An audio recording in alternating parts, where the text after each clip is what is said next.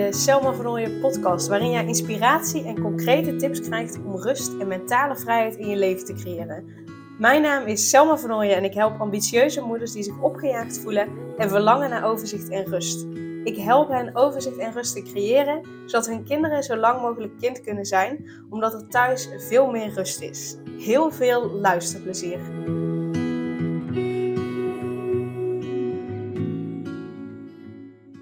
Deze aflevering borduurt voort op de vorige aflevering, aflevering 102, waarin ik deel dat mijn allergrootste droom uitkomt, namelijk mama worden. En uh, dus dat ik zwanger ben. En um, ook deze podcast, net als de vorige podcast, neem ik dus een week eerder op, omdat ik in de week waarin deze podcast uh, uitkomt, uh, ik drie dagen minder werk dan normaal gesproken. Dus ik dacht, ik ga je wel voorzien van content. Uh, zodat je me niet te lang hoeft te missen. Um, en uh, ik had het ook al aangegeven in de vorige podcast. Uh, dat ik me in principe goed voel. Op best wel wat vermoeidheid na voel ik me goed. gelukkig ook ja, heb ik het idee dat emotioneel gezien valt het wel mee. Ehm, wat ik wel merk als ik honger heb en echt moe ben. Um, ja, dan, dan reageer ik wel heftiger dan normaal gesproken. Maar verder valt het ook emotioneel gezien uh, best wel mee. Maar laatst, toen dacht ik achteraf wel, oké, volgens mij wordt dit bedoeld met uh, emotionele shit. Maar daar had ik daarna niet meer last van. Uh, wanneer was dat? Ik denk één week of zo. Één of anderhalve week nadat ik wist dat ik zwanger was uh, voelde ik op, me, op een gegeven moment, Daan was ook thuis. Ik weet niet op welke dag het was. Maar toen voelde ik me ineens zo down. Beetje moe en, en, vooral een beetje leeg. Ik denk, uh, oh, toen hadden we ook best wel een vol weekend gehad. Een volle week, een volle week gehad. Want we wilden natuurlijk ook iedereen uh, vertellen. Ja, volgens mij was het na de eerste week. Want we wilden natuurlijk de belangrijkste mensen om ons heen al uh, meteen vertellen uh, dat, ja, dat we zwanger zijn. Uh, of dat ik zwanger ben. klinkt zo gek, want Daan, die, ja, Daan is al klaar. heeft zijn ding gedaan. Die heeft nog even vrij. Totdat de baby er is. Maar um, ja, we hadden een volle week gehad. Vol weekend gehad. En ik voelde me toen, ja, dat was volgens mij op de zondag. Ik voelde me toen echt even leeg. Echt helemaal moe. En ik voelde me ook down. En ineens vond ik het overweldigend. Dus echt ineens um, ja, kwam er een bepaalde angst omhoog. Omdat ik me best wel down voelde, uh, uh, um, deed het me denken aan, nou ja, en dat is al minimaal tien jaar geleden. Misschien al wel langer geleden. Maar minimaal tien jaar geleden dat ik me ook, en dit was maar een zweempje van wat ik toen heb gevoeld maar toen voelde ik me ook soms zo down, zo moe, zo klaar. Eigenlijk ook wel een beetje met het leven, of in ieder geval met uh, de shit die toen in mijn leven allemaal was gekomen de jaren daarvoor. En ik heb me toen echt, uh, ja, in die jaren, uh, ja, vanaf mijn veertiende tot aan, ja, wanneer weet ik niet precies. Want zeker in mijn twintig jaar heb ik heel veel uh, aan mezelf gewerkt, familieopstellingen en opeteringen trainingen gedaan die me heel erg hebben geholpen. Coaching gevolgd, reiki gedaan, van alles.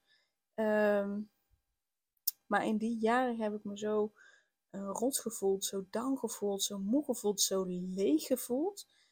Uh, zo echt niet fijn gevoeld. En uh, die zondag had ik daar een klein zweempje van. En ineens, van dat kleine zweempje van vroeger, maakte ik echt zoiets groots. En toen, toen maakte mijn hoofd, van, mijn hoofd echt ineens heel erg bang van, oh mijn god. Maar ja, je hebt nu zwangerschapshormonen. Die zwangerschapshormonen kunnen emotioneel gezien van alles met je doen. Uh, uh, ja, je, je hebt een geschiedenis met uh, ja, mentaal, emotioneel niet helemaal eh, stabiel zijn. Last gehad van paniekaanvallen, eh, dat soort dingen.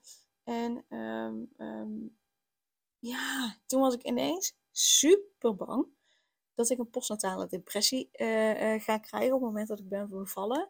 En dat ik daardoor uh, niet de liefde en aandacht kan geven aan ons kind die die nodig heeft, waardoor de hechting niet goed zal plaatsvinden. En gewoon dat ik mijn kind tekort zou doen, omdat ik een postnatale depressie zou hebben. Dat was zo ineens, kwam dat naar boven, dat ik daar zo bang voor was. Ja, en dat is dus eigenlijk helemaal nergens op gebaseerd. En tuurlijk hè, kan het dat, dat mij dat gebeurt, uiteraard. Uh, ik denk dat dat iedereen kan overkomen. Maar ik was daar ineens zo bang voor. Dat was echt, echt bizar. En uh, wat ik toen heb gedaan, en dat is wat ik vooral met je wil delen. Um, omdat ik niet alleen maar mijn shit bij je neer wil leggen, maar ook wil delen wat doe ik om ervoor te zorgen dat het weggaat, dat het minder wordt. het eerste wat ik heb gedaan, was het aan Daan vertellen. Want uh, ik weet dat het mij helpt als ik het vertel. Ik weet namelijk ook als ik het vertel, dan, komen, dan kan ik de emoties doorvoelen. Als ik het alleen maar in mijn hoofd laat zitten, dan komt er niet altijd, uh, uh, komen niet altijd de emoties eruit. En, en het is nodig dat die emoties eruit komen. Dat die gevoelens eruit komen, dat die emoties eruit komen. Dat nou, misschien wel de tranen eruit komen. Want anders zet ze zich in, zijn in je lijf vast. Ja, en als het zich vast blijft zitten en dat blijft zich opbouwen, ja, dan kan ik er bijna niet onderuit dat er inderdaad een postnatale depressie komt. Um, dus wat ik te doen heb, is het eruit laten. Uh, dus het eerste wat ik heb gedaan, is het tegen Daan zeggen en gehuild. Gewoon mijn gevoelens te laten zijn, mijn emoties te laten zijn, het delen met Daan. En uh, ervoor zorgen dat het zich niet vastzette. En het was niet zo dat ik me deze keer, vaak heb ik als ik dan huil, dan voel ik me daarna opgelucht. Dat was deze keer niet. Uh, het was s'avonds. Ik ben daarna op een gegeven moment gaan slapen. En de volgende dag, er was geen veldje meer aan de lucht. Ik voelde helemaal niet meer die angst. Eh, ik, ik heb me sindsdien ook niet meer down gevoeld of zo.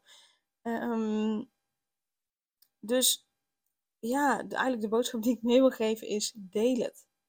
Deel het met iemand waar je je fijn bij voelt. Of ja, als je daar niet echt iemand voor hebt, of in ieder geval niet iemand waar je uh, meteen bij terecht kan, ga alsjeblieft schrijven of luister naar muziek. Doe in ieder geval iets waarvan jij weet van oké, dan komen de emoties naar boven. Dan ga ik de emoties doorvoelen, zodat het eruit kan. Want als het zich vastzet in je lijf, dat is hetgeen wat je niet wil. Want dan komt het op een later moment uit, maar dan in een veel heftigere vorm. Of het komt er uh, voorlopig niet uit en dan wordt, waar je bang voor bent, wordt daadwerkelijk uh, de waarheid. Uh, dus dat is wat ik heb gedaan. En wat ik ook heb gedaan, omdat toen ik er achteraf naar keek, dacht ik, waar is het doorgekomen? Toen dacht ik, ja, we hebben ook gewoon een volle week gehad. Terwijl ja, mijn lijf gewoon bezig is met, met een klein wondertje uh, te creëren en te laten groeien. Um, dus toen dacht ik, oké, laat het voor mij een signaal zijn. Ik ga dit als signaal gebruiken van, oké, okay, je hebt te veel gedaan, pas op het plaats maken. Dus dat het uh, dus dat is wat ik er meteen ook uit mee heb genomen om van te leren. Um, um, zodat het niet gewoon een gebeurtenis is op zich, maar dat ik het ook gebruik om dit in de toekomst te voorkomen. En uh, ja, dat is nu dus inmiddels ook alweer twee weken geleden, uh, nu ik deze podcast opneem. Um, en in die twee weken heb ik dit niet meer gehad. Het betekent niet dat het niet meer komt. Uh, maar het betekent wel dat, dat ik nu een mooi signaal heb. Nou ja, mooi, het is geen fijn signaal. Dat ik wel een duidelijk signaal heb van hé, hey, oké, als ik dit voel, als dit aan de hand is, betekent waarschijnlijk gewoon dat ik rust nodig heb. En dat ik het eruit mag laten. Dus dat wil ik je alsjeblieft meegeven. Um, laat het er alsjeblieft uit. Laat het er zijn. Dat is niet altijd makkelijk. Het is absoluut niet leuk. Ik vond het ook niet leuk. Uh, maar het was wel nodig om vervolgens het los te kunnen laten. Om me, nou in ieder geval vanaf de dag daarna goed te voelen. Nogmaals, die avond voelde ik me echt niet. Uh, uh, ik voelde me iets beter, maar niet, niet de oude. Uh, maar dan, dat ik gewoon lekker had geslapen. Ehm, ja, was het goed. Er was er niks aan de hand. En heb ik nu echt zoiets van, ja, nee, het komt gewoon goed. En, en ik weet ook nu, op het moment dat het wel zo mag zijn, eh, mag zijn, als liever niet, als blijkt dat het wel zo is, dan weet ik ook dat ik dit heel goed met Daan kan bespreken. Dat ik het ook heel goed kan aanvoelen. Dat ik het heel goed uh, kan bespreken. En dat we heel goed samen naar een oplossing kunnen zoeken.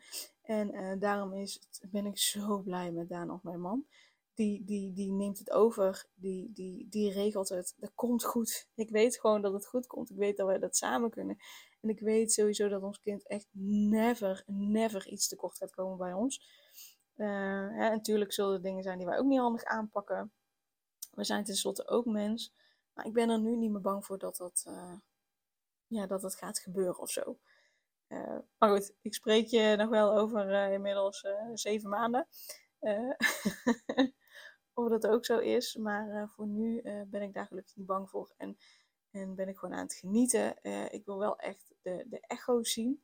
Het is niet, ik maak me helemaal niet druk op dit moment dat het niet goed zou zijn. Maar ik wil gewoon zeker weten dat het echt zo is. Want ik bedoel, twee jaar lang ehm, ja, is het niet gelukt. Is het, is het ja, misgegaan in dat opzicht. Ik ben nooit zwanger geweest, maar ehm, ja, de keren dat ik dan een test heb gedaan, was het een negatieve test. Ehm, dus ik, ik kan gewoon ook nog niet helemaal geloven of zo dat het echt is. Terwijl ik wel echt de vreugde heb gevoeld en, en ook, ik voel ook gewoon de liefde. En dat vind ik zo bijzonder.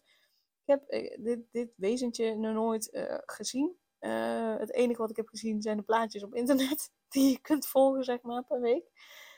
Maar verder, ja, het enige bewijzen heb ik twee positieve testen. En verder, ja, niks. Maar het, ik, ja, ik vind het zo bijzonder. ik vind het zo bijzonder. De, de, de liefde die ik er nu al voor voel. En ook wat ik bij Daan zie, de liefde die hij er al voor voelt. Ik vind dat zo bijzonder. Dus ja, dus het is gewoon goed. Maar uh, ja, dus dat, dat wilde ik met je delen. Dat het, dat het hier ook niet altijd ook een ei is. Dat zeker hè, nu het voor ons iets nieuws is, dat er vast heel veel dingen op ons pad zullen komen. Waarvan wij ook zoiets hebben van oké, eh, wat is dit? Of waar ik me ook misschien wel onzeker over zou voelen. Um, dus ja, dus dat wil ik met je delen. Waarbij ik ook graag met je deel hoe pak ik het aan. In de hoop dat je daar uh, je eigen inspiratie en oplossingen ook uh, vandaan kunt halen. En dan, uh, dan ga ik gewoon deze podcast weer afsluiten. Dat was mijn boodschap voor vandaag. En dan wil ik je heel erg bedanken voor het luisteren. En dan zou ik je willen vragen of je mij wilt helpen om deze podcast te laten groeien. Want hoe meer mensen ik bereik, hoe meer ik ervoor kan zorgen om, ja, om ervoor te zorgen dat kinderen zo lang mogelijk kind kunnen zijn. Dus hoe meer mensen ik bereik, hoe meer kinderen ik bereik. En um, ja, ik kan meer mensen bereiken als deze podcast beter vindbaar is. En de podcast is beter vindbaar uh, doordat er meer positieve reviews zijn. Dus um, mijn vraag aan jou is: zou je een review willen achterlaten om te helpen om deze podcast te laten groeien? En de review heb je in 10 seconden gedaan. Uh, het is gewoon bijvoorbeeld 5 sterren aanvinken en dan klikken op verstuur. En uh, ja, that's it.